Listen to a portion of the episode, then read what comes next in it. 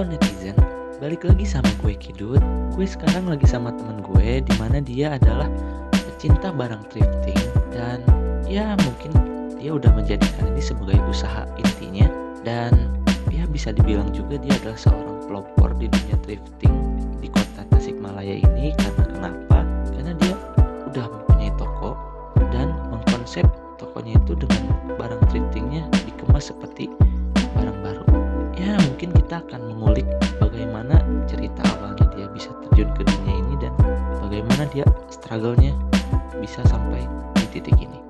tanpa berlama-lama mungkin kita langsung aja ke topiknya gue Kidut, lo lagi dengan podcast Cuan Talk dan podcast ini berfaedah selamat mendengarkan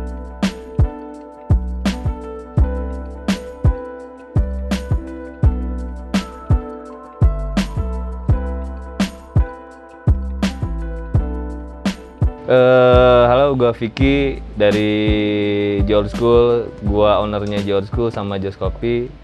Salam kenal. nah George School itu apa sih? Eh, George School sebetulnya unik sih kalau diartiin. Gua punya konsep nama George School itu sebetulnya nama anak. Ji itu namanya Jivanya Alka Kotrunada. Itu nama anak gua. Cewek. Cuman depannya Z EE itu saya ambil dari anak gua. Old schoolnya sekolah dulu. Jadi Ji itu anak, sekolah dulu itu untuk anak bekal sekolah. Oh, bisa. Ceritanya seperti itu. bisa, bisa, Cukup ya. Logis kan? Cukup logis kan? Berarti Ji Old School tokonya itu buat bekal anak sekolah nanti ya terserah mau jadi SMA mau kuliah jadi dokter ya mudah-mudahan dia kena rezekinya. Amin. Bener. Nah ngomong-ngomong soal toko nih, George School itu jualan apa sebenarnya? Kalau toko George School simple sih sebetulnya passion aja ya. Passion tuh dia larinya lebih ke basicnya barang vintage klasik, customize eh, motorcycle. Jadi salah satunya konsep yang saya jual itu classic and vintage style. Yang saya jual Iya. konsep ini memang belum banyak juga yang pakai Iya, termasuk beberapa konten pedagang yang pakai belum banyak lah kenapa saya ambil konsep ini karena memang passion saya di sini main motor barang-barang klasik barang-barang vintage oke bisa maju. Jadi gua coba ternyata ya sampai sekarang. Alhamdulillah. Lancar ya perjuangannya ya? oh pasti. Jangan sampai tidak lancar itu. Oh iya. Ngalir terus. Bos. Kalau cuan collab sepi. Aduh. aduh tapi kan rezeki udah ada yang ngatur gimana Iya, konsep sih bisa. sebetulnya Cuman ya kalau si cuan collab masih gue beli apa yang gue suka dulu. Jadi Nah. kalau belum laku ya gue pakai gitu. Bisa, bisa pakai dulu ya. Ah, Hmm, bagusan lu gua mah gak pernah pakai tapi barang bagusan di sini. Tapi awalnya tuh gimana tuh School tuh?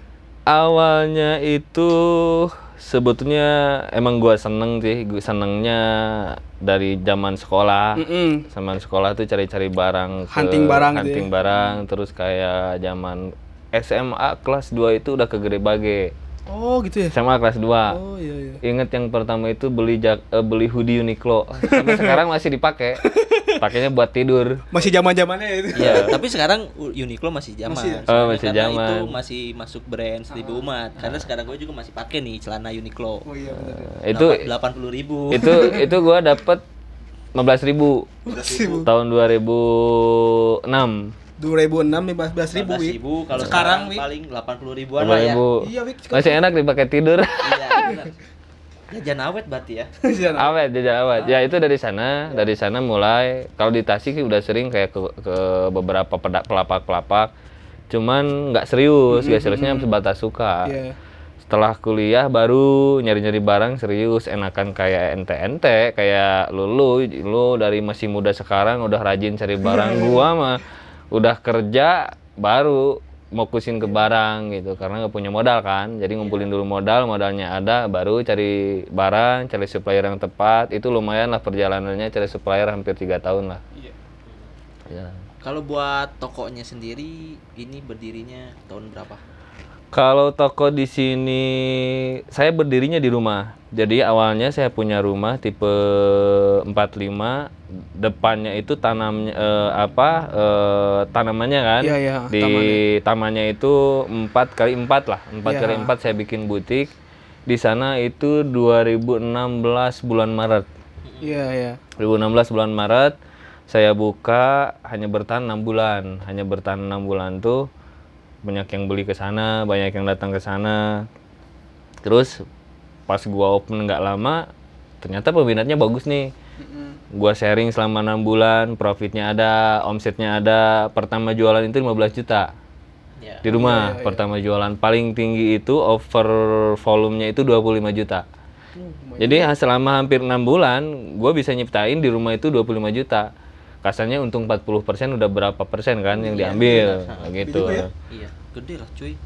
Nah, gue paling pendapatan dari si cuan standar sih masih 2 jutaan. Waduh, lumayan juga tuh. Ya, tapi masih kotor. itu i- itu balik lagi ke modal. Iya. Eh, balik lagi ke modal, balik lagi. kita gede dapat juga pasti lebih gede. Nah, itu pas gua di sana enam bulan baru nih kepikiran ngobrol sama bini kan, sama sama bini dia ya udah cari tempat. Awalnya juga bini gak yakin lah yang gokilnya seperti ini. Pertama gua mau jualan di rumah, barang gua itu udah ngumpul dua karung. Ya.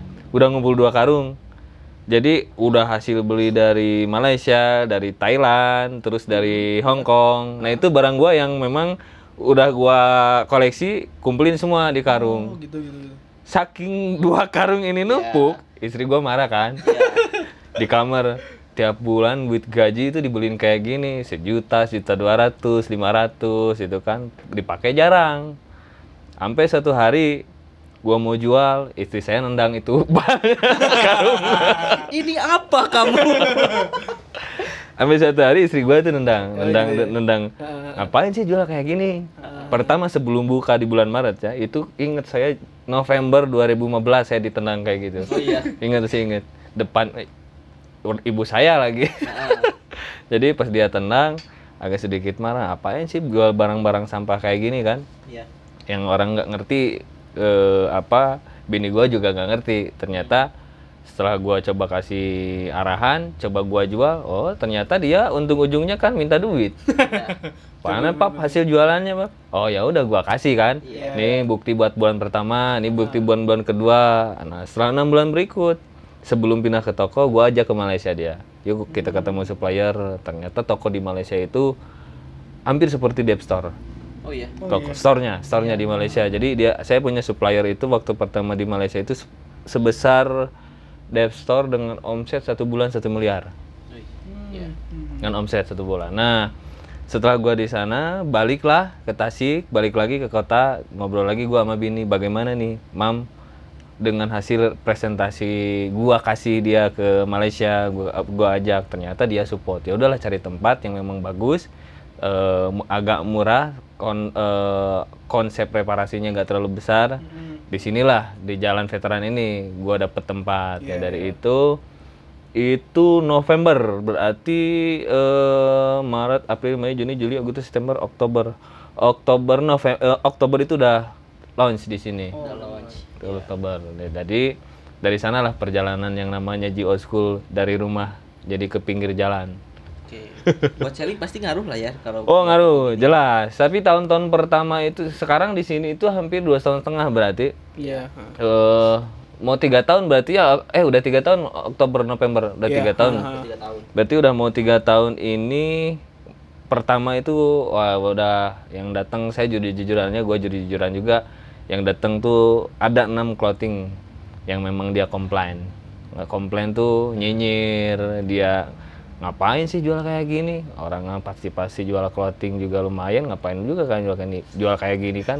Tapi kan mereka nggak tahu betapa ada emasnya di sini gitu kan? makanya. mereka nggak tahu ya udah gua doain aja. Ya yang penting mah Tuhan ngasih rezeki yang sama kata gua tuh. Ngasih rezeki yang sama kita ikhtiarnya sama ya akhir hasil akhir dibalik lagi. Tapi dengan kita berikhtiar kan nggak ada salahnya.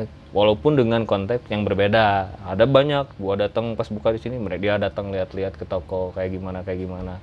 Ngasih positif ngasih negatifnya banyak lah. Tapi itu jadi acuan kenapa G Old School sampai sekarang ini bisa tumbuh. Logikanya ya jujur-jujuran gua tuh tempat ngontrak bukan beli gitu kan nggak punya duit apalagi buat beli apalagi besar. Tapi dengan kontrak ini lumayan lah budgetnya udah rank di angka 20 ke atas gitu kan per satu tahun. Tapi kan hitungannya dengan bisnis ini apakah bisa worth it? Tidak dengan yang apa gua sellingin di sini gua jual di sini. Dan ternyata selama ini minimal bisnis itu tiga tahun harus bertahan ya benar. Worth it-nya. Menurut gua gitu kan menurut gua itu minimal bisnis itu tiga tahun harus bertahan. Ketika tiga tahun itu kita bertahan ternyata grafiknya bagus oh berarti di empat tahun kita akan settle kita akan aman. Nah barulah empat ke lima tahun itu kita berpikir masalah aset. Belilah aset atau tempat sendiri agar kita tidak kontrak. Itu plan gua sih. Iya. Gitu. Benar benar. Berarti udah asik ya di sini ya? Kalau asik asik bener kalau kalian tahu nih ah, asik lah pokoknya gue kan di di sini ada banyak banyak apa sih itu disebutnya itu figura-figura plakat-plakat pameran Georgeku udah ke mana aja sih eh yang paling go internasional itu Malaysia. Malaysia Malaysia itu nyampe Malaysia. Malaysia, Malaysia. Gua sampai Malaysia itu bulan Juni. Bulan Juni, cuman sayangnya sertifikatnya hilang. Ya, sayang banget. Gara-gara gua pindah rumah. oh jadi ya eh. acara nama nama acaranya acara Nama acara AOS, Art of Speed itu 2018. Jadi Ya, ya. pas saya ke Malaysia itu Maret lagi ke Malaysia 2018 ng- Maret ngajak eh, pas gua ngajak Maret Malaysia itu ngajak apa ngajak bini gitu kan ternyata konten gua masuk nih setelah konsep di toko ini ternyata kontennya masuk. Dari sanalah si kalau dari sana itu disebutnya ketuanan. Ketuanan itu ketuanya di eh, AOS di Art of Speed jadi si ketuannya ngobrol dia ngasih arahan dia ngasih penawaran. Dan ternyata ya bagi gua sih worth it. Bootnya gratis bro berarti nah, bootnya gratis Malaysia bayar. gratis lagi. iyalah. Bootnya itu kalau kema tahun 2018 itu bootnya 7 juta setengah. 7 Iya. juta, kalau hitungannya kalau hitungannya. Tapi karena kita dikasih free hanya hotel sama transportasi harus masing-masing. Jadi tapi menurut gua sih worth it worth it-nya kenapa? Dibanding kita bayar juga gak berani kan nggak tahu omsetnya. Ya udah hitung-hitung promosi hitung-hitung kita ngebrand di sana ngebranding di sana dan juga ngenalin juga si Joe School di sana dan hasilnya lumayan alhamdulillah banyak ya banyak sekali sering, sering lihat di Instagram ada yang bule-bule pada ke sini tuh Nah, nah itu itu event pertama gue internasional. Iya. Event pertama gue internasional. Harusnya 2019 ini berangkat, Ya. tapi eh gue ada something trouble lah. Ada something trouble tuh eh gue pindah rumah, Iya. beli rumah harus beresin, harus renov. Nah itu jadi budgetnya semua balik ke sana, semua balik ke sana. Jadi sementara dan juga trouble-nya adalah kapasitas bagasi untuk di tahun ini. Jadi ga- bagasi itu hanya maksimal 20 kilo. ya Tahun kemarin itu bisa sa- sampai 50 kilo per satu orang. ya Nah, tahun ini gua hanya maksimal 20 kilo. Bayangin kalau dat- datang ke Malaysia ngambil 50 kilo barangnya nanggung. Ngapain jauh-jauh gitu kan. iya benar Nah, Tapi tahun kemarin itu bisa sampai 120 kilo gua ambil barang. Dan aman, baliknya sisanya 50 kilo. Lumayan juga, Bray. terus selain dari yang Malaysia di mana lagi Malaysia eh, event-event lokal tentu sering. Lokal, Kak. Cuman event nasional itu event nasional yang 2018-nya itu custom pace, Custom paste. custom pace terus lari ke 2019-nya barbecue ride. Barbecue ride. Lari lagi terakhir kemarin di custom pace. pace lagi. Jadi bulan Ju eh, Oktober. ya. Eh, di bulan Oktober ya. ham- basically eh sebetulnya sering ke custom pace cuman baru dua tahun ini sign in di eventnya tersebut ya, jadi karena buka boot ya. eh, eh, bisnisnya buka boot. Lumayan juga perjuangannya jauh, perjuangannya susah. Pertama itu saya seleksi. Jadi kalau lu tahu gua seleksi ke custom pace itu gila-gilaan. Iya, iya. aslinya maksudnya seleksi itu dari ham jadi custom pass itu banyak yang- waiting list dari tahun-tahun kemarin. Iya, jadi tahun-tahun ke belakang misalkan gua dua- 2018 nih check in ternyata banyak yang waiting list di 2017 ya nah yang waiting list 2017 pasti akan di listkan di 2018 dan ternyata itu lumayan. Tahun kemarin itu hampir 38 yang ke bawah itu 26 Iya, iya. 26 dengan selected konten pedagang yang memang kayak gimana sih masuk gak buat di si event custom pass. Dan yang tahun sekarang juga hampir kelewatan kan. Sebetulnya tahun se- sekarang ini hampir saya nggak ikut, hampir gua nggak ikut, hampir nggak ikut asli. Heeh. Hampir gua nggak ikut kenapa? Informasi ketinggalan. Iya. Eh gua sama yang kerja juga sama-sama sibuk, yang kerja di toko juga ngurusin kerjaan. ya. gua juga sambil ngurusin kerjaan gitu kan. Kita bagi-bagilah sama yang sama yang kerja. Sebenarnya sempat kelewat karena eh, di seleksi itu hampir nggak dapet booth. Iya. oh iya. Saking penuhnya ya. saking penuhnya. Karena ada waiting list di tahun 2008 kemarin. Dari sana eh gua komplain. Iya. gua komplain ke Mas Lulut. Mas Lulut eh, kebetulan direkturnya si Custom Pass gua komplain Mas ini Geold School. Tahun kemarin dengan track recordnya seperti ini. Iya. tolong dilihat di, dipertimbangkan kembali jika memang Geold School layak untuk di event 2019 ini. Iya. Ah, adapun dengan kekurangan fasilitas tolong bantu tolong bantu gua maksudnya untuk tambah booth lagi. Nah dan alhamdulillahnya ternyata mereka tambah booth 4 booth Iya. Nah, selektinya itu ternyata ada yang memang tidak layak masuk dan ada yang masuk ternyata ya alhamdulillah tahun ini gua masuk lagi. Tadinya mau dikasih jatah satu boot diberi dua boot ya. Alhamdulillah. asik lah ya Iya. Tasik satu-satunya, Bro. ah Iya kemarin kan gue juga ikut ke sana Oh iya, datang lu ikut kan? iya gua Tapi lu bentar deh kayak ke air. Sehari lah yuk. Eh. cuman Sebesar ya? semalam terus ke acara kan hari Minggu cuman sampai jam 2 Heeh. balik lagi Kemarin kan sangkaan gua tuh eh lu mau demen lama kan? Maksudnya demen lama tuh buat lu lihat situasi lihat Iya. kondisi di sana kan? Lu banyak jual diri maksudnya jual diri tuh kenalin ke orang-orang bahwa lu di Tasik seperti ini ini, ini. itu itu promosi lah ya ternyata balik duluan. Kan duluan karena berhubung kerjaan menunggu. Jadi harus balik. Tapi asik sih kak. Karena kan gue baru pertama kali Ke acara gitu ya? acara kayak gitu kan. Hmm, acara hmm. Motor gitu. acara motor kayak gitu ada yang gue tahu kayak Moon Ice, Eh, Moon Honda, Ice, Power. Plant, Ah. ya banyak. Terus kan di sana kan lu jualan dikis kan? Heeh. Sana kan ada tuh. Aduh, dikis itunya gua kan. takut jadi komplain di podcast ini. Gak apa-apa di sini podcast tempat orang-orang sombong. Iya, memang semua ya. Kita yang susah ya. Ya, gampang. Kita Eh. bisa nego sama KPI, Anjing. Komisi Podcast Indonesia. Oh, beda lagi ya sekarang? Beda dong. Beda. Heeh. Eh, Itu cuma cerita-cerita aja. Sebetulnya gini sebetulnya. eh jadi misi G Old School di Custom Paste itu bukan hanya sekedar sharing, bukan hanya sekedar jualan, Ya. tapi bagaimana kita membentuk suatu isu. Iya, iya. Ngerti gak? Jadi eh, gua itu bikin image G Old School itu bikin isu untuk masuk ke konten-konten kreator yang ada di sana. Ya. Mm. Contoh, Heret, Elders Company. Iya. Yang kedua, Exodus, Mm. Gali kan. Oh, Jadi Gali ya? satunya itu kan dia. Terus misalkan anak-anak Fikir, anak-anak Jumat Blar, Ah. terus Naskleng Bali, Oh, terus iya. anak-anak Jogja semua. Jadi bagaimana G Old School ada di event, Iya. tapi bukan hanya sekedar selling. Ya. Promosinya kita jual diri, tapi bukan jual diri jadi jablay maksudnya. Iya, iya. ngerti, Eh, ngerti. tapi maksudnya bikin isu yang mana isu itu adalah positif. Ya. Bagaimana kita jual diri dengan isu, dengan G Old School itu membuat isu, tapi isu itu positif untuk para konten-konten kreator. Ya. Ya, sampai artis datang, sampai bule-bule datang, konten-konten kreator datang, tanpa kita harus datang ke mereka. Ya. Ah. Dan mereka, eh, eh. dan mereka tiba-tiba datang sendiri kan? Udah, gue sih udah nggak kaget dari tahun-tahun kemarin udah, udah kayak gitu. Cuman isu yang sekarang ini yang bikin bau nih.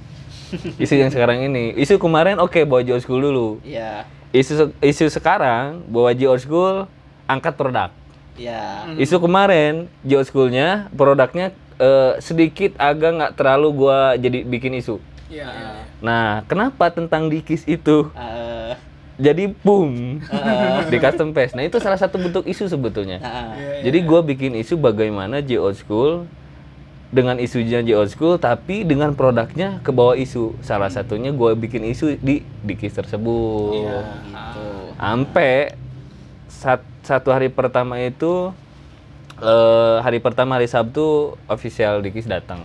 Mm. Iya. Kan dua kali mungkin lihat-lihat. Terus yang hari kedua official Dikis datang lagi.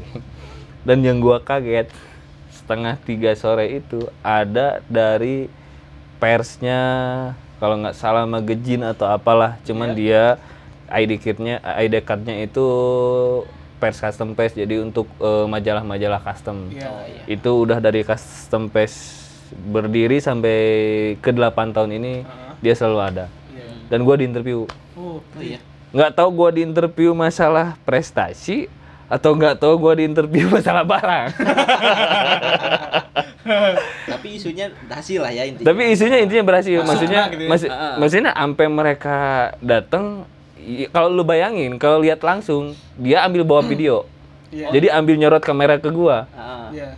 jadi dia datang di badannya dia sambil bawa video kamera Kamera. Eh, sambil video gitu nggak tahu juga sih emang itu live apa enggak cuman nyorotnya ke gua Nyarinya ke gua nanya-nanya tentang dikis. Ini dapat dari mana sih barangnya? Ini ceritanya seperti apa sih? Sampai gua sel- selesaiin sampai jet lah.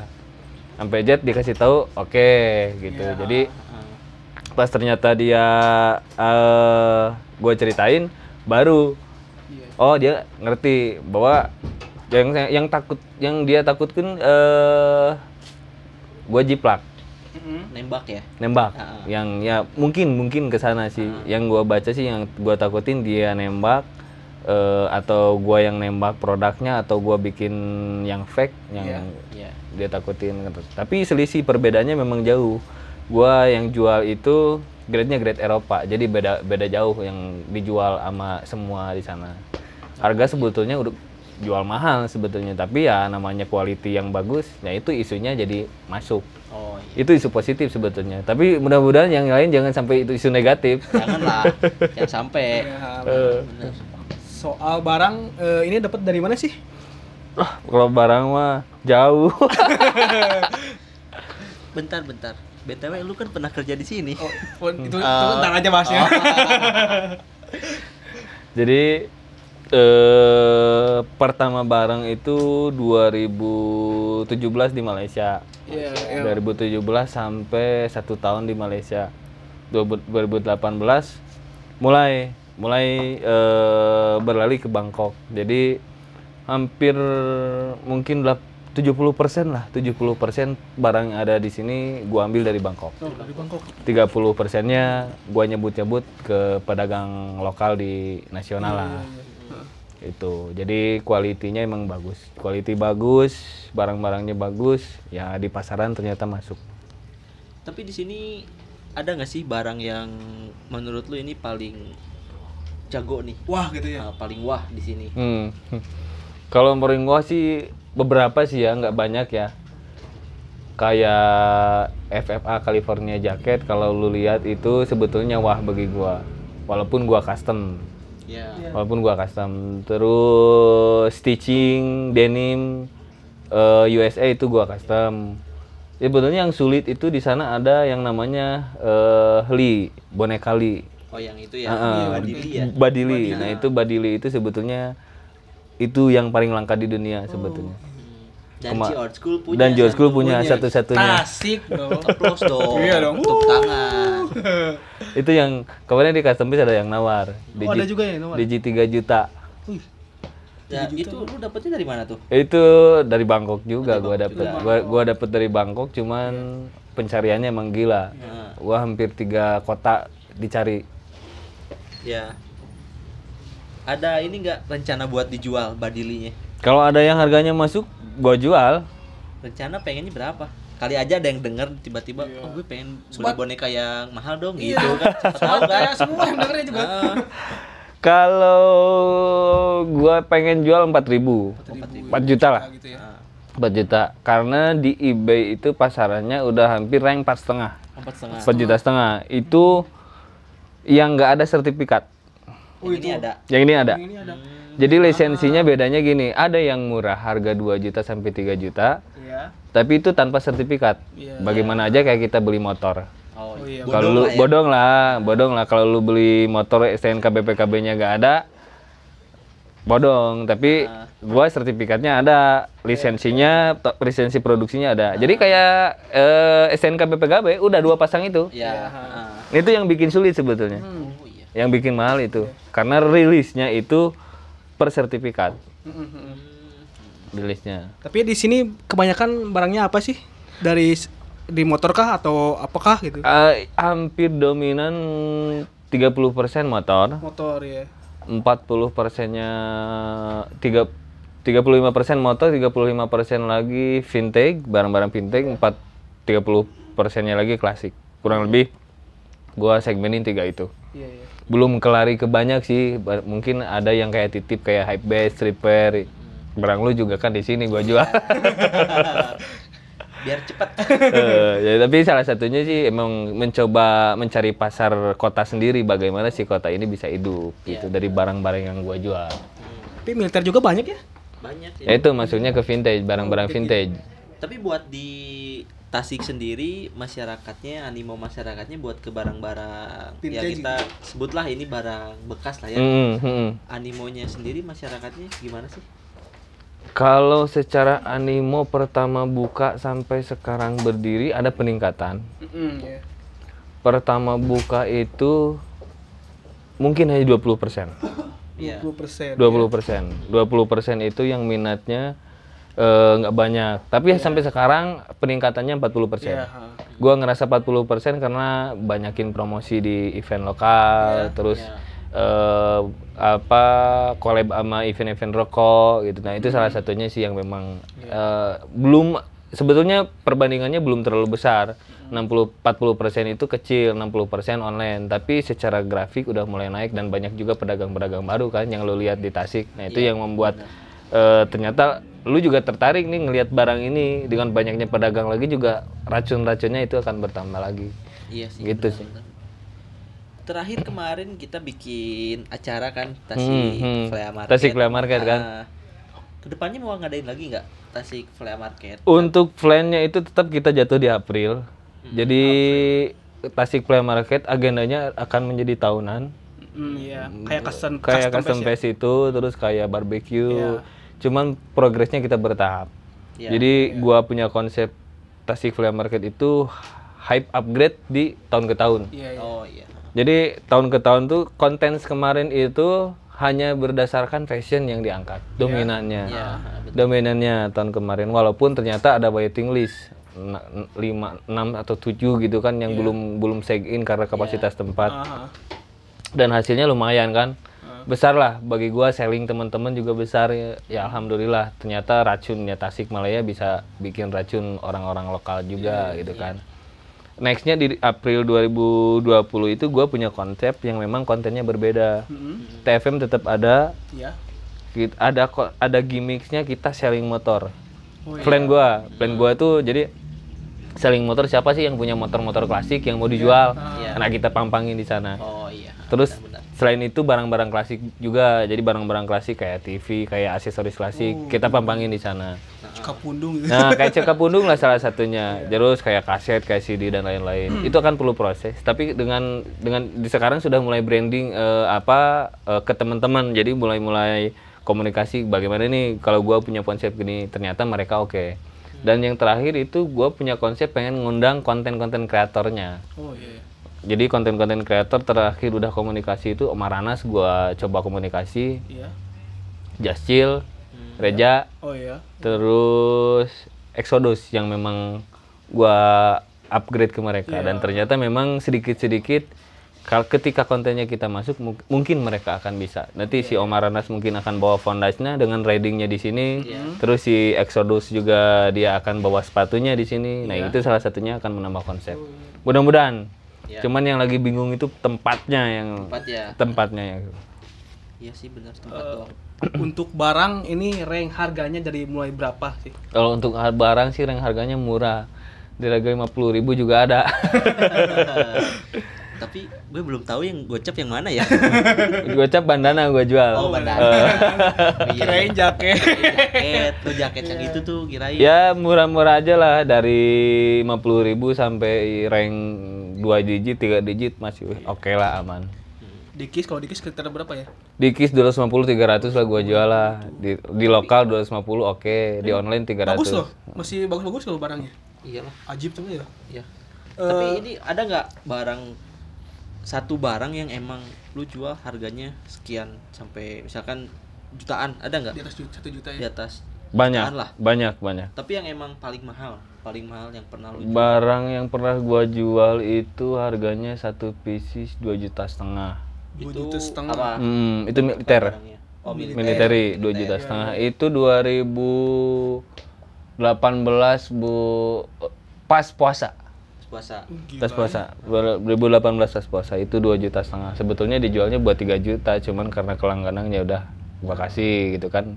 Orang Jakarta juga yang beli. Berarti emang kalau militer itu produk eh barang-barangnya itu segmented ya? Karena buat orang yang yang emang emang yang paham paham bener-bener Hmm. jadi gitu. sebetulnya militer itu barangnya collectible jadi collectible teh hanya beberapa yang memang paham ya nah salah satunya kenapa ranknya memang mahal karena historical tahunnya yang membuat Oh, si iya. militer itu jadi mahal gitu jadi histori jadi orang yang beli itu kayak jual eh, kayak kita beli t-shirt band gitu kan tahun Iya. copyright tahun berapa sih Bisa copyright itu tahun 80 tahun 90 nah itu kayak gitu Dari tahunnya ya. Iya. dari tahun. Jadi yang membuat mahal tuh kayak copyrightnya. Padahal ngapain juga hidup kita dipakai copyright kan? iya benar yang penting ada nama bandnya Yang penting ada bacanya aja.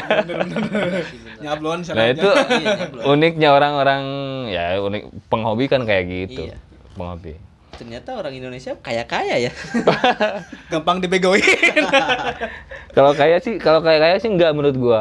Tapi harus gila. oh iya benar. Iya. Kalau nggak gila dia nggak akan beli. oh iya tapi benar karena banyak eh, di lingkungan gue sendiri Ah. ada orang yang bisa dibilang kaya Heeh. cuman pakaiannya dia nggak berani nge-spend duit buat apa yang dia pakai Nah itu maksud maksud gua tuh kayak gitu. Jadi kebanyakan yang beli kayak gini tuh orang gila menurut gua. Ah, iya. Kenapa orang gila? Karena hobinya udah gila. Iya. Jadi dia udah beli gak mikir duit berapa dia beli.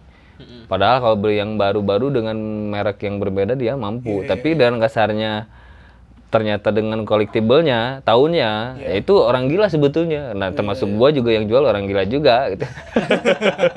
iya sih benar-benar kalau tapi ngobrol ngobrol-ngobrolin tentang gila nih ya Heeh. karena kan gue sempet denger cerita lu nih Ya. kalau kalau misalkan salah koreksi ya, betul. sebelum lu di sini kan sempet kerja dulu kan Oh, gua gawe dulu. nah, Hmm. di, di bank kan misalnya Ya, Salah gua gua bank. gua gawe di salah satu bank mungkin BUMN ya disebutnya ya. Iya, iya, iya. Karena eh, labelnya label BM Iya iya. itu salah satu. Gak apa-apa Gak apa-apa ya? Gak apa-apa. Oh, di silent itu. Gak apa-apa. Cuma cukup berani aja gitu. Iya. Keluar dari pekerjaannya untuk Heeh. memutuskan pekerjaan yang Ah, karena lu kalau itu ngocolnya gue- manasin gua aja lu. Karena kan yang kemarin gue sempet dengar, Eh. karena kan ketika lu apa namanya resign Hmm. sama atasan lu kan disodorin sebuah SK. jabatan, Ah, gitu jabatan. kan, yang Ah. bisa dibilang gajinya itu lumayan gede, Udah lah, kan? Istilahnya itu kan bisa disebut zona aman lu gitu. Eh, jadi Tapi gua kenapa ceri lu sampai benar-benar berani buat Ngambil keputusan ini, kayak ah, gini. kayaknya ini emang keputusan gue udah yang paling benar gitu loh. Hmm. Jadi 2011 gua mulai kerja. Hmm. 2011 itu lulus kuliah. Jadi hampir 2011 sampai 18 berarti hampir 8 tahun ya. Ya. Hampir 8 tahun berjalan gua di bank. Jabatan gua dulu pertama masuk analis. Analis finance. Jadi analis pembiayaan yang memang mau minjem duit buat modal-modalnya tapi limitnya gede. Hmm. limitnya sampai satu miliar Em- empat tahun ke lima tahun empat tahun jalan kelima gua promosi jadi eh, dubbingnya manajer Iya. jadi ka- kasarnya eh, wakilnya manajer lah Ya. Oh iya. wakilnya manajer satu tahun ke 6 sampai ke 8 tahun dua tahun gua punya jabatan marketing manager MM Iya iya iya. kalau orang gaji itu bawa kotor ke rumah itu 12 juta lah Iya, iya. bawa kotor ke rumah paling bersih bersih ya 10 lah mungkin ya Oh iya. belum sama bonus sebetulnya bonus Iya. bonus tahunan juga kan itu nggak lebih gede dihitung Betul. nah lu kakak lu kan juga tahu eh saya lupa Li. Sama. Sama. maksudnya kan sama nah cuman eh, dengan di plat merah kan Hmm. terus terakhir gua resign itu di Oktober pas berarti setahun ini jadi Oktober tanggal 3 Oktober tanggal 3 gua resign itu lumayan lah kronologis resign itu perjuangannya gila-gilaan lah harus ngobrol ke bini kan harus ngobrol ke bini harus ngobrol ke orang tua ke bokap nyokap kan terus ke menantu eh, mertua juga kan ngobrol. Wah itu pengajuannya dari bulan akhir Juli lah Agustus awal. Udah ngomong ke mereka mau resign keyakinannya diga- digantung sama mereka coba pikir coba pikir dengan gaji yang seperti itu bayangin di Tasik kan di Tasik pegang 12 juta atau 10 juta itu sebetulnya udah nang ning Udah iya, udah. udah santai, udah santuy banget lah, maksudnya santuy banget teh buat beli ini oke, buat beli ini oke, buat cicil ini oke, gitu kan dengan rank seperti itu. Iya benar. Iya. Ternyata tiga bulan perjalanan itu sampai akhirnya ke Oktober awal masih belum diputus sama pimpinan. Iya. Dengan apa? Dengan jadi, jadi dengan alibi dengan catatan mereka karena nah yang namanya pegawai yang prestasi apa sih yang nggak mereka lakukan gitu kan? Salah satunya itu mungkin karena gua berprestasi, ranknya juga kenaikan jabatan lumayan, usia muda loh. Jadi kebanyakan yang udah menginjak 30 itu baru tinggi manajer. Baru di posisi jabatan manajer. Nah, gua 28 udah masuk Iya. di jabatan manajer. 28 udah masuk, pas mau resign itu masih ditanya tanggal 1 sama sama pimpinan. Ki, lu yakin mau resign? Pak, udah tiga bulan gua nungguin, gitu kan? Kasar gua gitu kan, udah tiga bulan nih gua nungguin, masa pak belum diputus? Emang lu bener yakin mau resign? Bener pak, masa gua ngajuin resign ditanya terus kata gua teh, malahan saya harus nanya gimana keputusannya diputus gak kata gua. Dan ternyata belum diputus sampai tanggal 1.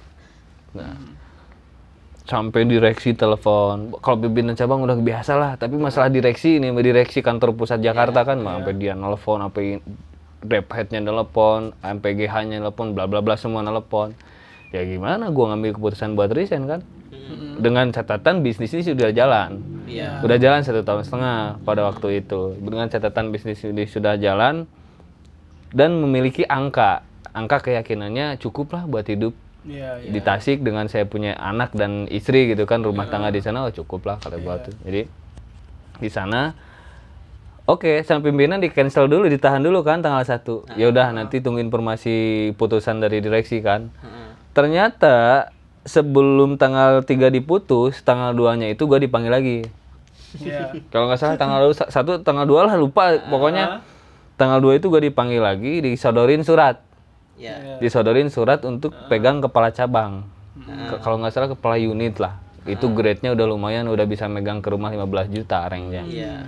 Jadi kan lumayan. Usia usia 2 30 gue udah pegang itu. Nah, ah. Sebelum resign tanggal 2 itu udah dikasih surat pagi-paginya. Gua suruh bawa ke balik ke rumah kan, ngobrolin dulu ke bokap nyokap, ke orang tua kan, ngobrolin ke bini juga ngobrolin. Gimana nih kesempatannya sayang untuk mencapai seperti ini, orang juga nggak akan bisa seperti ini. Iya. Dengan usia yang masih muda, 30 tahun, Bro. Iya benar. Bukan usia maksudnya rank itu rata-rata 35 mereka kasih. 35 mereka balik lagi ke gua gitu kan orang tua bokap nyokap balik lagi ya terserah ente kasarnya ente mau resign atau mau diambil itu pilihan ente kalau ente udah yakin karena gua udah yakin di sanalah gua datang jam 3 pagi-pagi balikin lagi surat. Pak mohon maaf. Ini surat saya kembalikan saya tidak akan ambil. Saya bulat untuk resign Iya, iya, iya. di sana baru diputus. Baru bisa keluar. pagi-pagi ngomong sorenya baru diputus sama direksi. Tapi kan putusan itu bukan tanda tangan kertas bukan. By system. Setelah by system baru tanda tangan kertas.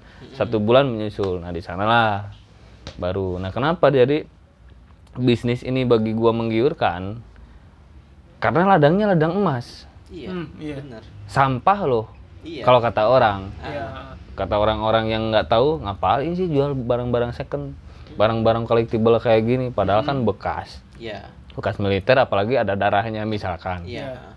sebekas yang lain anak-anak motor dan lain-lain tapi gue bisa ngerasa yakin di sinilah bisa hidup Iya. dan setelah resign jalan tahun kedua ini jalan mau ketiga tahun ini berarti satu tahun lebih gua resign gitu kan jadi satu tahun lebih gua resign ini mukjizat lah dari Tuhan Iya. saya bisa buka kedai kopi Iya. Mm-mm. bisa buka ka- kasarnya buka kafe lah buka buka kafe kopi kan buka kedai itu tanpa gua ngutang jadi Iya. hasil dari toko gua buka ke sana gitu jadi sampai sekarang alhamdulillah dari G Old School eh, beranak ke Jos Iya. Iya, iya. Jus kopi ya. Jos kopi kan jadi itu untungnya sebetulnya. Ya rumah gua nambah lagi satu itu kan salah satu hikmah dari jual Iya. barang bekas barang sampah tapi yang menjadi emas buat kita gitu kan. Iya. mungkin banyak orang yang nggak ngelirik kesempatan ini. Pertama ide ini kenapa harus dibuat toko ini kenapa harus dibuat? Karena belum ada pelopor di Tasikmalaya yang memang berkonsep seperti gua Iya. konsep. Mm, benar. Kenapa gua konsep? Barang udah gua laundry, datang lu dat pertama lu datang ke sini aja dulu Iya. nge- kons- ngelihatnya kayak gimana? Otomatis kan barang second apa barang baru sih dengan konsep seperti gua punya. benar. Kebanyakan orang-orang ngobrol itu melihatnya kayak barang baru dan ternyata dijelasinnya itu adalah barang second tapi dengan packaging yang memang Iya. gua rubah jadi kayak seperti baru Packagingnya gitu. lebih lebih bagus lah. Nah, sebetulnya itu salah satu trik branding bagi gua. Jadi trik branding itu dari barangnya kita branding, dari orangnya kita branding, dari store-nya kita branding. Iya. Gitu sih sebetulnya. Itulah cerita yang membuat saya yakin di bidang ini. Ya, yang membuat gua kuat nih, kuat sampai sekarang. Jadi kenapa gua bilang tiga tahun harus bertahan? Setelah tiga tahun gua baru settle. Sebetulnya udah settle. Iya. Cuman yang namanya manusia nggak ada kepuasan kan? Iya. Gua nggak ngerasa puas umur masih muda ngapain gua harus santai-santai. Maksudnya harus pengembangannya harus bener-bener dan ternyata setelah resign emang gila pengembangannya. Oh, Tapi yang namanya selling, yang namanya jualan hanya Tuhan yang ngatur, hanya Gusti Allah yang ngatur kan naik turunnya itu dia yang ngatur. Cuman otak kita yang harus muter. Iya. Iya benar. Marketingnya muter, brandingnya muter, jualannya muter, skillnya muter, terus quality barangnya juga berputar. Nah itu salah satunya. Ya kenapa masih bisa bertahan? Iya.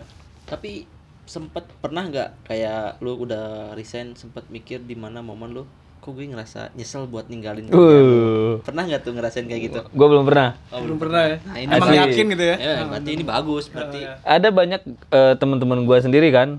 Jadi banyak teman-teman gue tuh mbak sampai nanya, lu kangen nggak sih gawe? Lu kangen nggak kerja? Enggak kata gue. Ngapain gue harus kangen? Orang-orang perusahaan orang masa gua kangenin? Yang kangenin perusahaan sendiri kata gue. Ya, terkadang kan mereka masih ke bawah arus seperti itu.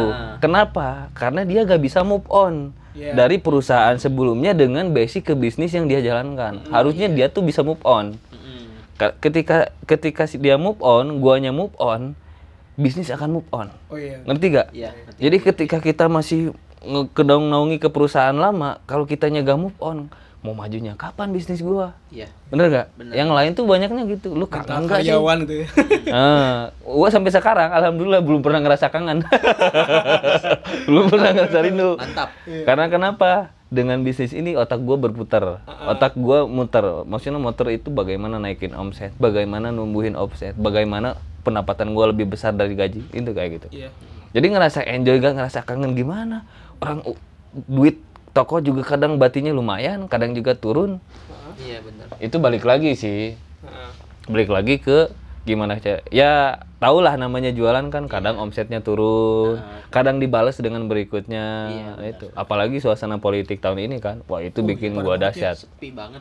nah makanya hati-hati di, di- tahun ini gua ngerasa hati-hati itu nggak tahun kayak kemarin nggak tahun kemarin gejor-gejoran gila-gilaan jualan. Tapi tahun ini bener-bener harus ngelihat grafik pemerintah kayak gimana apalagi kan gua kirim barang dari luar kan impor kan otomatis pengaruhnya terhadap barang dan eh, pemerintahan kuat banget ketika gua nggak bisa nahan gua nggak bisa hati-hati gua prinsipnya kayak gini lebih baik nahan duit barang pun tidak jadi masalah ketika barang ada Iya. Iya. tapi ketika duit gua buang ternyata barang bermasalah kan resiko Iya. lebih baik nahan tapi untung kecil Iya benar. yang penting pro- eh, produktif lah Iya.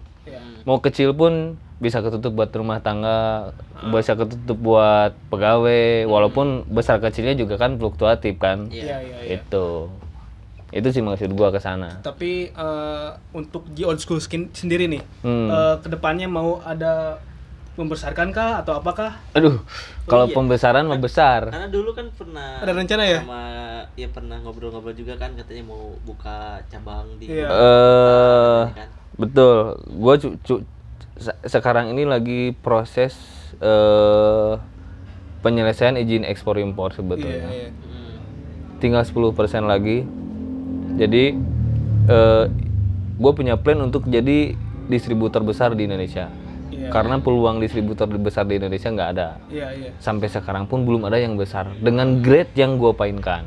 Iya. Kalau grade B dan C itu mungkin kebanyakan sih di Indonesia grade C lah Iya. barangnya. Tapi dengan grade B dan A itu grade B oke bisa belanja ke Bangkok, tapi grade A bisa belanja ke Ba- ke Bangkok. Tapi ketika di Indonesia kita buat seperti itu, itu akan menjadi peluang besar untuk bisnis. Salah satunya untuk mendistributor. Jadi mainannya buat bukan mainan satu bal dua bal, tapi nantinya akan kontainer mainannya kontainer, bro. kontainer. Konsep dari sana ketika distributor bisa tune in di Indonesia, bisa open, itu akan ngebantu teman-teman kan, Iya. pedagang-pedagang kecil kan, lu bantu gua lu, maksudnya bantu gua jualan, lu bantu jual jual retail, jual bal-balannya, itu akan membantu ekonomi teman-teman sebetulnya. Iya benar. Nah, Selain itu, gua punya konsep untuk banyakin cabang. Jadi G Old School itu harus punya cabang. Kenapa harus punya cabang? Untuk menjaga standarisasi kualitas Old School, termasuk pricingnya, harganya. Iya. Jadi misalkan kita punya cabang berapa sih? Plan gue sih pengen punya 5. Amin, tapi ya mudah-mudahan Allah memberikan rezeki 5 itu bisa buka Bandung, Jakarta, Jogja, Malang, sama Bali. Iya. Kenapa saya bikin 5 cabang itu? Karena untuk menjaga stabilitas barang. Iya. Ketika orang Bandung butuh barang nggak perlu ke Tasik ambil barang. Mm-mm. Tapi mereka bisa diambil di cabang Bandung. Iya. Iya. Orang Jogja atau orang Jakarta dan kota lain dia butuh barang tinggal ambil di cabang yang terdekat. Nah itu fasilitasnya. Mempermudah lah ya. Mempermudah. Jadi si toko tumbuh, distributor kita pun tumbuh. Iya. Jadi untungnya sebetulnya akan lebih besar. Iya benar. Double dari distributor kita punya untung, dari toko retailnya besar kan untungnya. Nah itu jadi take and give-nya ada. Jadi rutinan bulanan ada, rutinan harian ada gitu, rutinan tahunan nanti akan ada. Mudah-mudahan bisa terlaksana. Amin, amin. Amin. Itu itu juga akan nanti mem- membuka peluang untuk yang lain juga sih. Mm-mm. Ya saya sih 90% ini udah finish sebetulnya, tinggal 10% ini cuman something trouble-nya saya belum bisa jelasin secara detail di sini gitu. Jadi takutnya saya muluk-muluk janji juga, takutnya saya muluk-muluk ngebual juga sebelum gua lakuin itu gua belum bisa ngomong. Tapi yang sudah dilakuin itu 90% udah gua lakuin, Ya, iya. udah gua jalanin gitu. Mudah-mudahan Iya. tune in di 2020 tinggal go. Ya, kita sedang menunggu saatnya itu. Biar gampang beli ya. Iya, karena biar saya juga biar bisa cuan lagi. Sebetulnya bisa, jadi bisa, jadi kita bisa bareng-bareng, bisa bantu, bisa tumbuhin. Ketika gua udah bisa kayak gitu sih enak sebetulnya. Iya. Kota Tasik akan menjadi kota besar Ya. di barang-barang. eh, yang gue rasain sekarang para pemain yang kayak gue sekarang Hmm, tuh hmm. nyari barang tuh susah kalau sekarang. Betul, betul. Eh, makanya sekarang gue jarang ke kayak ke lapak-lapak sini. Hmm. Jadi lebih sering nyari online. Nah, dulu juga kan gua kayak gitu kan beli online, beli online gitu kan beli online, beli online tuh maksudnya satu dua satu dua. Ternyata udah capek. Sebetulnya sekarang tuh capek. Hmm. Capeknya kenapa waktu saya harus mantengin handphone Iya. gitu kan. Ketika ada supplier yang agak jelas ya udah kita order banyak. Biar nggak terlalu capek cari barang kan. main dikis juga udah sebetulnya udah cukup lah. Iya. omset dengan main dikis kalau mau cari aman gitu kan. Dengan kasarnya omset 10 sampai 20 du- juta di dikis bisa aman. Tapi kan gua juga ada kebutuhan offering peningkatan usaha harus bagus itu kan. Terus peningkatannya harus jelas nah itu gua main semua Iya. Iya, iya. itu dari dikis pun sebetulnya gua keteteran bos Udah lumayan ya. Udah lumayan lah. tapi cuman tahun ini ngerem lah sedikit ngerem lah tapi eh, bulan kemarin dengan bulan sekarang sampai Desember gua ngegas akan coba gas karena kondisinya udah lumayan stabil, Stabil ya. Hmm, akan coba gas dan lumayan omset juga signifikan ada kenaikan Iya, iya. Gitu Tapi gokil sih. Eh, Old School tuh berani banget gitu buka toko gitu di Tasik ya. Iyalah. Secara Tasik gimana dong? Tasik itu, aduh Tasik ya. Saya takut dihujat sama netizen Tasik cuy. Sama netizen gitu ya. Karena Gokil sih. kalau yang gue ini ngobrolin circle gue doang ya. Hmm, Kayak hmm. Area lu doang kan? Ah, area gue Hmm, doang kayak hmm. se- yang sering main sering ketemu Ya. sama gue. Ya. Karena orang Tasik yang sering ketemu sama gue itu lebih seneng pakai barang KW Betul. daripada barang ori Ori. biarpun second gitu Hmm, kan. Terus hmm. le- dia Barang KW berani- walaupun baru gitu kan. Ah, ah, Ya, nah. terus Tapi KW. lebih berani nge-spend duit ke oh, ke misalkan taruhlah ke brand yang ada di Ya. Bandung daripada Ah, buat ah. nge-support ke kita kita maksudnya Betul. tuh bukan kita mau disupport cuman harga yang gue jual tuh lebih murah tapi kualitasnya tuh lebih bagus Iya. daripada Hmm. yang lu pengen gitu Walaupun second kan. Ah, walaupun second karena ada sering kejadian kayak misalkan gue nawarin barang yang emang kalau hitung-hitungan harga retail udah di atas 1 koma lah ya Hmm, hmm. gue jual dengan harga 300.000 ribu 300 ribu. masih ditawar Yalah, oke lah ditawar oke cuman iya. pas udah gue dealin ternyata kasbon ya tiga bulan Aduh. tapi ketika gue tanya lu beli ini berapa 400.000 ribu Hmm, hmm. di ada toko di Hmm, sinilah hmm. toko ternyata dia beli cash sedangkan Hmm. gue ya mungkin harga teman lah bos kayak Hmm, gitu-gitu nah hmm. stigma Sampai kasbon, kan? itu sampai kasbon tuh kadang tapi kalau misalkan gue nggak nggak masalah sih kalau kasbon selama Hmm. gue ada masih ada dana cadangan tapi Betul. ketika gue udah nggak ada dana cadangan ya sorry gitu kan nggak bisa ngasih kasbon tapi banyak ketika Modalnya juga pas-pasan kan? Ah, Ya, tapi benar, ketika nggak gue kasih kasbon kadang ada ya ya baper Hmm, gimana hmm. gitu lah Sebetulnya di Tasik tuh simpel bagi gua. Kenapa di Tasik gua berani? Sebenarnya ekstrim lah bagi gua. Ka- Kenapa disebut harus gila gitu kan? Hmm, ya. Karena salah satunya nggak ada pelopor. iya Iya, benar benar. Jadi nggak ada pelopor. Sa- ya, mungkin lu tahu udah lama di Tasik muter banyaknya clothing clothing. Bukan berarti gua ngomongin clothing jelek, bukan. Tapi gua merubah konsep dari konsep yang ada sebetulnya. Iya. Kalau kata orang Sunda mahiwal, Iya. mislek. ya Jadi gua ngerubah tuh orang di Tasik tuh banyak yang jual clothing. Store-store clothing banyak, udah banyak lah. Tapi yang jual macam gini nggak ada. iya benar Pocket. Contohnya sebetulnya pocket itu udah pelopor bagi gua. Iya, benar. nah, salah satunya kan Ah. pocket. Nah, gua juga ngelihat dari pocket teknik bisnisnya. Gua ngelihat pocket dia pelopor, oh bagaimana gua harus pelopor di bidang seperti ini di Tasik. Iya, iya. Walaupun terseok-seok gua jujur. Iya. ya aslinya terseok-seok maksudnya bagaimana naikin omset offline-nya terus orang-orang biar lebih kenal ke Jiwa School di Tasik bagaimana. Sampai sekarang pun gua ngerasa terseok-seok. Belum kayak orang-orang besar di kota besar karena yang mereka lebih paham ter- terhadap kualitas barang second dibanding dengan di kota Tasikmalaya sebetulnya bukan minus sih. Cuman ini tugas kita semua. Bagi gua sih tugas gua. Gua harus ngasih mindset ke mereka ngasih pengarahan mereka ngasih racun ke mereka agar mereka bisa suka sama barang ini ya. Kenapa tadi bilang 20 sampai 40% itu progres gua ngasih racun tuh udah nambah 20% dari 20%. Itu lumayan sih kalau Itu. Ah. Tambah lagi pedagang yang lain kan. Nah, itu salah satu bentuk racun bagi eh, customer di Tasik. Ya ya gue sih nggak jadi saingan banyak pedagang, malahan seneng. Senengnya kenapa? Ternyata di Tasik akan tumbuh lebih besar nih di barang-barang seperti ini. Iya. Tapi dengan hanya konsep kita melihat konsep masing-masing Iya, gitu kan berbeda. Itu. tapi kalau buat kalau ngobrolin masalah fashion di Tasik Hmm. Eh, yang gue lihat sih sekarang yang penting di Tasik tuh apa yang lagi rame. Apa yang lagi hype gitu kan? pasti dibeli Hmm. Iya, benar. taruhlah kayak baju-baju motif-motif pisang tuh Iya. kayak gitu. Iya. Kalau secara gue pribadi ngelihatnya tuh ini apaan sih tiap tiap belokan yang pakai baju Sebetulnya gitu. sebetulnya itu kita udah dari dulu kan? Ah, Iya, itu Nah. udah dari kapan gitu Dari kan. kap- Jadi apa ya? Masuk ke Tasik tuh telat gitu loh. Hmm. Ketika gue udah make, ketika udah gue nggak pakai lagi, mereka baru make. Pakai. Gitu. Nah. Ah, kayak gitu. Ya, se- ya sebetulnya itu. Jadi saya juga nggak mau jelekin Tasik juga kan. Ah, Cuman prosesnya yang akan membuat kita berjuang gila-gilaan. iya, Iya. benar. Jadi berjuang gila-gilaan tuh bagaimana mindset orang-orang Tasik agar beralih bu- eh, bu- jadi misi sebetulnya visi misinya bagaimana kenapa buka di Tasik agar orang-orang Tasik yang suka clothing pindah ke barang-barang second Iya. Iya. sebetulnya ke sana cuman sampai sekarang belum Saya perlu dua tahun lagi lah mungkin. Perlu dua tahun lagi untuk orang bisa berlari ke barang-barang second. Iya. Target saya 2025 harus keracunin semua. Iya. Ya. Kenapa misinya 2025? Karena perbandingannya kalau kita banyak pedagang sekarang nanti akan banyak bermunculan. Setelah event TFM itu kan banyak bermunculan Tasikmalaya Market. Walaupun di online kan. Iya. Terus ternyata ada yang buka baru lagi toko. Ya bagi gua sih seneng. Yuk ayo kita bareng-bareng gitu kan. Kita bareng, kita tumbuhin bareng, kita racunin mereka bareng-bareng. Itu. Yang paling sulit dari ngeracunin orang Tasik apa? Kalau menurut gue dari harga.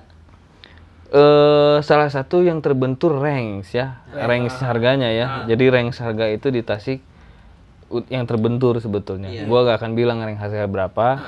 Cuman yang terbentur itu. Iya. Yang kedua, pemahaman terhadap brand. Iya, Iya. benar. Pemahaman terhadap brand. Ah, Jadi pemahaman terhadap brand itu mereka terkadang nggak menghargai brand ini dengan harga seperti ini. Benar. Dengan pricing seperti itu. Nah, itu betul sekali. itu yang membuat nyesek. Iya, sering terjadi di benar. Life itu.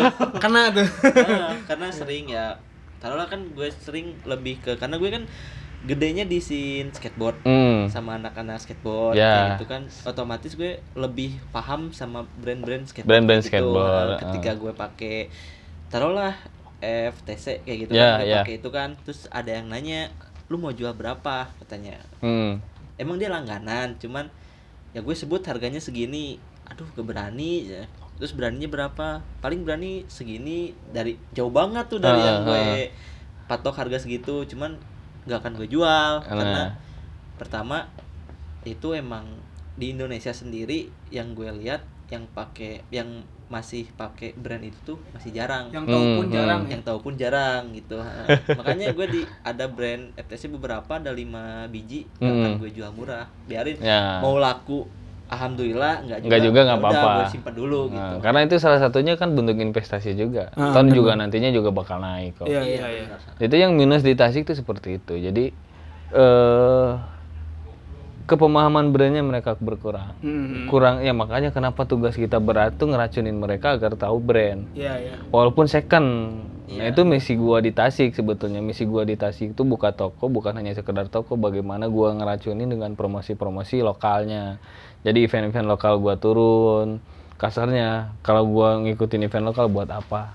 Omset juga udah lumayan. Kasarnya bukan gua sombong sih. Iya. Tapi wajib disombongkan juga. sombong aja nggak apa-apa aja, nggak apa-apa ini ya. kan tempatnya orang sombong Eh, maksudnya kan eh ngapain juga kan? Tapi kan salah satu mi- misinya juga buat ngeracunin. Ah. Buat ngeracunin orang-orang ya udah gua tu- turun, gua turun di event, gua turun di venue, gua turun di mana. Nah, itu salah satunya bentuknya untuk ngeracunin mereka. Dan Iya. lumayan 40% sekarang. Oke, cuman hanya kembali lagi ke ranks-nya, ke ranks-nya dan ke kapa- yang ketiga tuh kapasitas keuangannya Iya. range-nya ada yang anak kuliah, anak sekolah macam keuangan gimana, yang ada yang ada yang kaya banyak duitnya gimana, ada yang s- eh, lebih sederhana bagaimana, tapi dia suka, itu itu ba- beda-beda. Di Tasik kapasitas daya belinya itu Iya. beda sama kota besar. yang sederhana yang lebih paham barang sih sebenarnya Hmm, itu itu yang sebenarnya yang sederhana yang lebih paham barang. Tapi ketika paham barang duitnya pun nggak ada akan repot, Bo. iya, Iya sih, sih, Benar nggak? Jadi ketika paham barang, duitnya minim, dia nawarnya gila-gilaan. iya Padahal gue udah nyari barang susah-susah bener. Ah, benar sih Iya, iya, iya.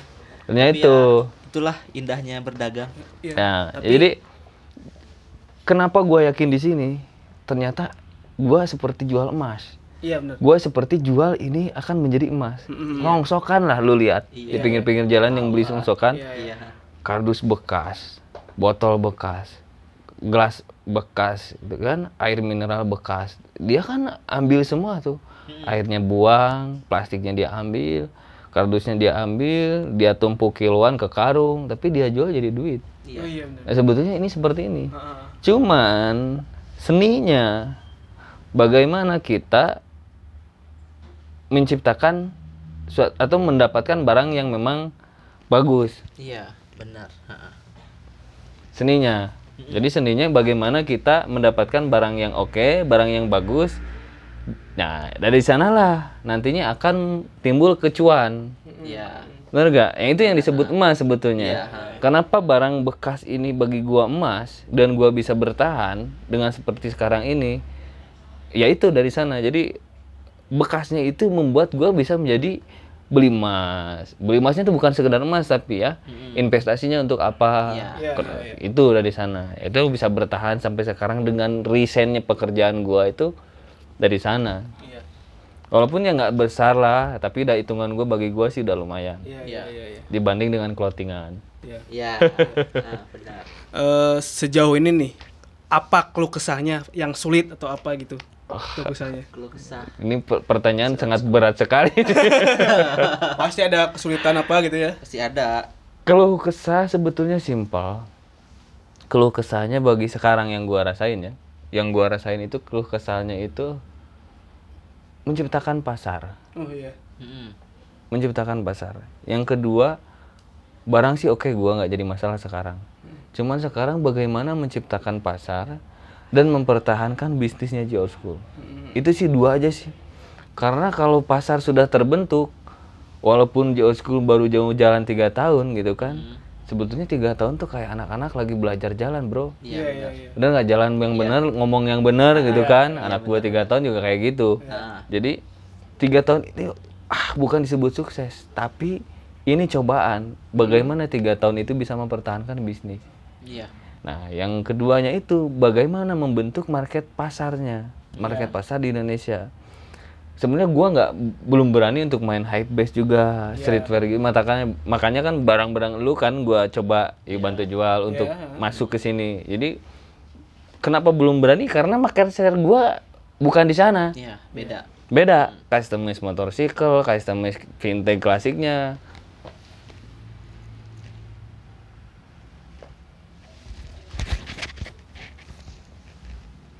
Nah, maksudnya gua di sana juga tahu kan, jadi antara apa peminat pasar itu yang akan sulit sebetulnya. Iya, iya, iya. gue lagi bener-bener bagaimana eh, barang gua selalu tag tag jual jual jual cepet itu itu agak sedikit sebetulnya. Tapi kan itu perlu waktu. Iya.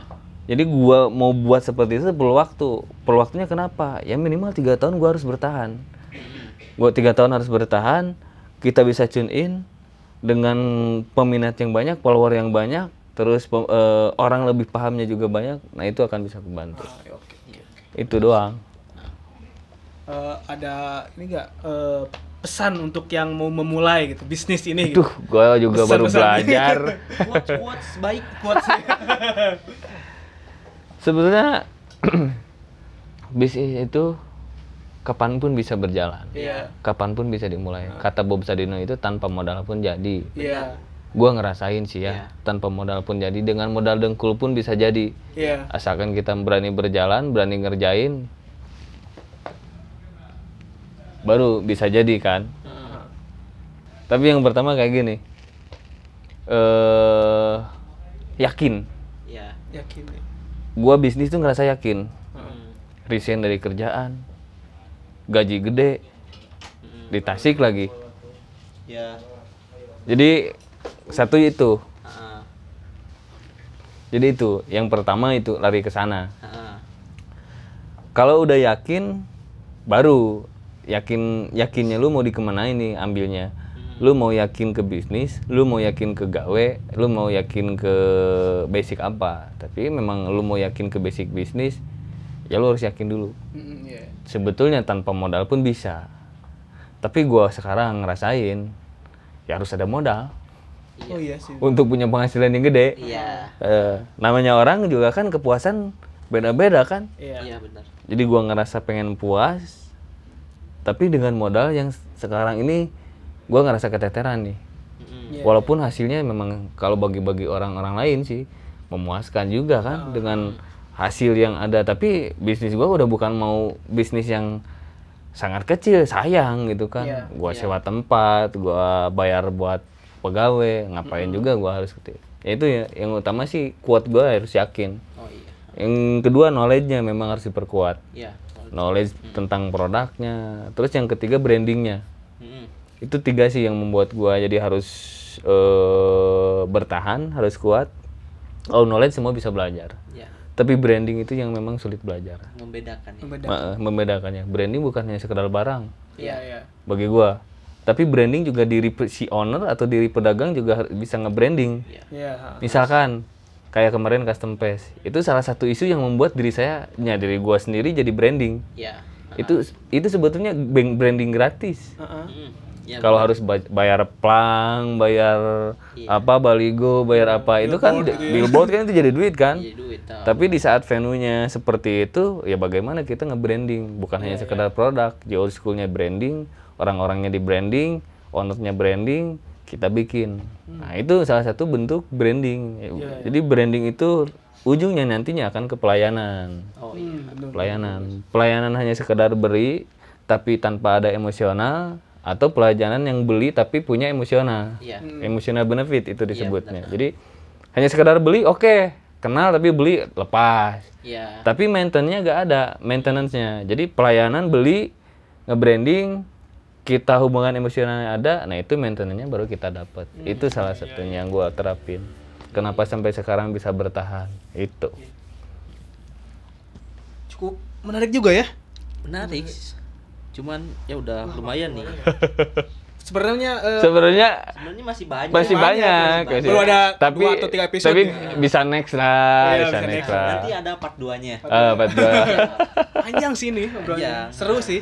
panjang, Iya. panjang. M- mungkin kalau pengalaman kelamaan akan eh, tentang eh bisnis ya oke sih. Gue masih bisa ikut ngikutin ngimbangin lah maksudnya bagaimana nge-branding produk, bagaimana kita promosiin produk, bagaimana selling kita akan lebih dalam ya. ya. Salah satunya artis-artis yang datang ngapain gua harus bayar kan? Mereka datang sendiri, bule ke sini juga datang sendiri kan? Iya benar. Itu salah satunya sih branding gratis. Iya. Itu. Nah, terakhir deh. Hmm. Kalau misalkan lu mau promosi, silakan. Gua promosiin apa ya? Alamat toko atau Instagramnya apa? Mungkin Eh. di pendengar gue ada yang nggak tahu atau yang belum tahu George itu ada di mana. Gue harus nyarinya di Oh, eh, oh ya, oke oke. gitu. Eh, bagi lu yang mau datang atau lu yang mau lihat barang-barang Old School, lu boleh visit atau boleh datang ke store kita di Tasikmalaya, Jalan Gunung Pereng, Ruko nomor 4, Kota Tasikmalaya. Dengan Instagramnya @zee underscore old school. Jadi udah bisa di search Old School aja tanpa underscore juga udah muncul. Iya. Terus di marketplace, tune in, Bukalapak, Tokopedia, Shopee udah ready. Jadi eh, silahkan ataupun bisa tanya-tanya, bisa WA, bisa DM, bisa Line, kita oke channel. Jadi yang mau datang boleh, yang mau visit di Instagramnya boleh at School eh, itu akan muncul. Jadi tinggal pilih di sana produknya, lu message, mau pesan langsung, mau konsultasi langsung tentang bisnis second, oke, mau nanya-nanya tentang produknya, oke, kita bisa layani. Oke, nah buat kalian tuh jangan malu-malu, jangan malu pakai barang bekas Ya, cuy. uh, lu eh, hobinya hujat aja ya. Eh, gue aja nyari baju yang gue pakai setahun, baru Setahun, dapet. susah. Aduh, bahaya lebih, itu, lebih bahaya. susah nyari baju daripada nyari cewek. Ini mau mbak ini curhat? Baru mau ngomong nyari aja. cewek kan tinggal di Tinder sama Tantan. Eh, bener. Udah, jangan bahas. Tapi tanggung jawabnya panjang bro.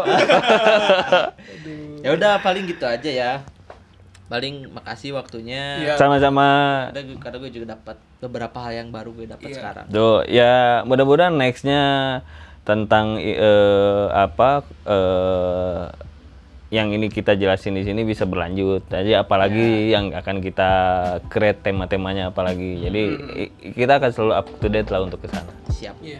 Nanti kita ngobrolin buat part 2. Boleh, siap, siap. Sama nanti TFM kita jadi media partner boleh. Oh, iya, Wih, harus. Iya harus bener sih, mantap. Iya. Lo jadi Eh, nanti lu konten gratis aja.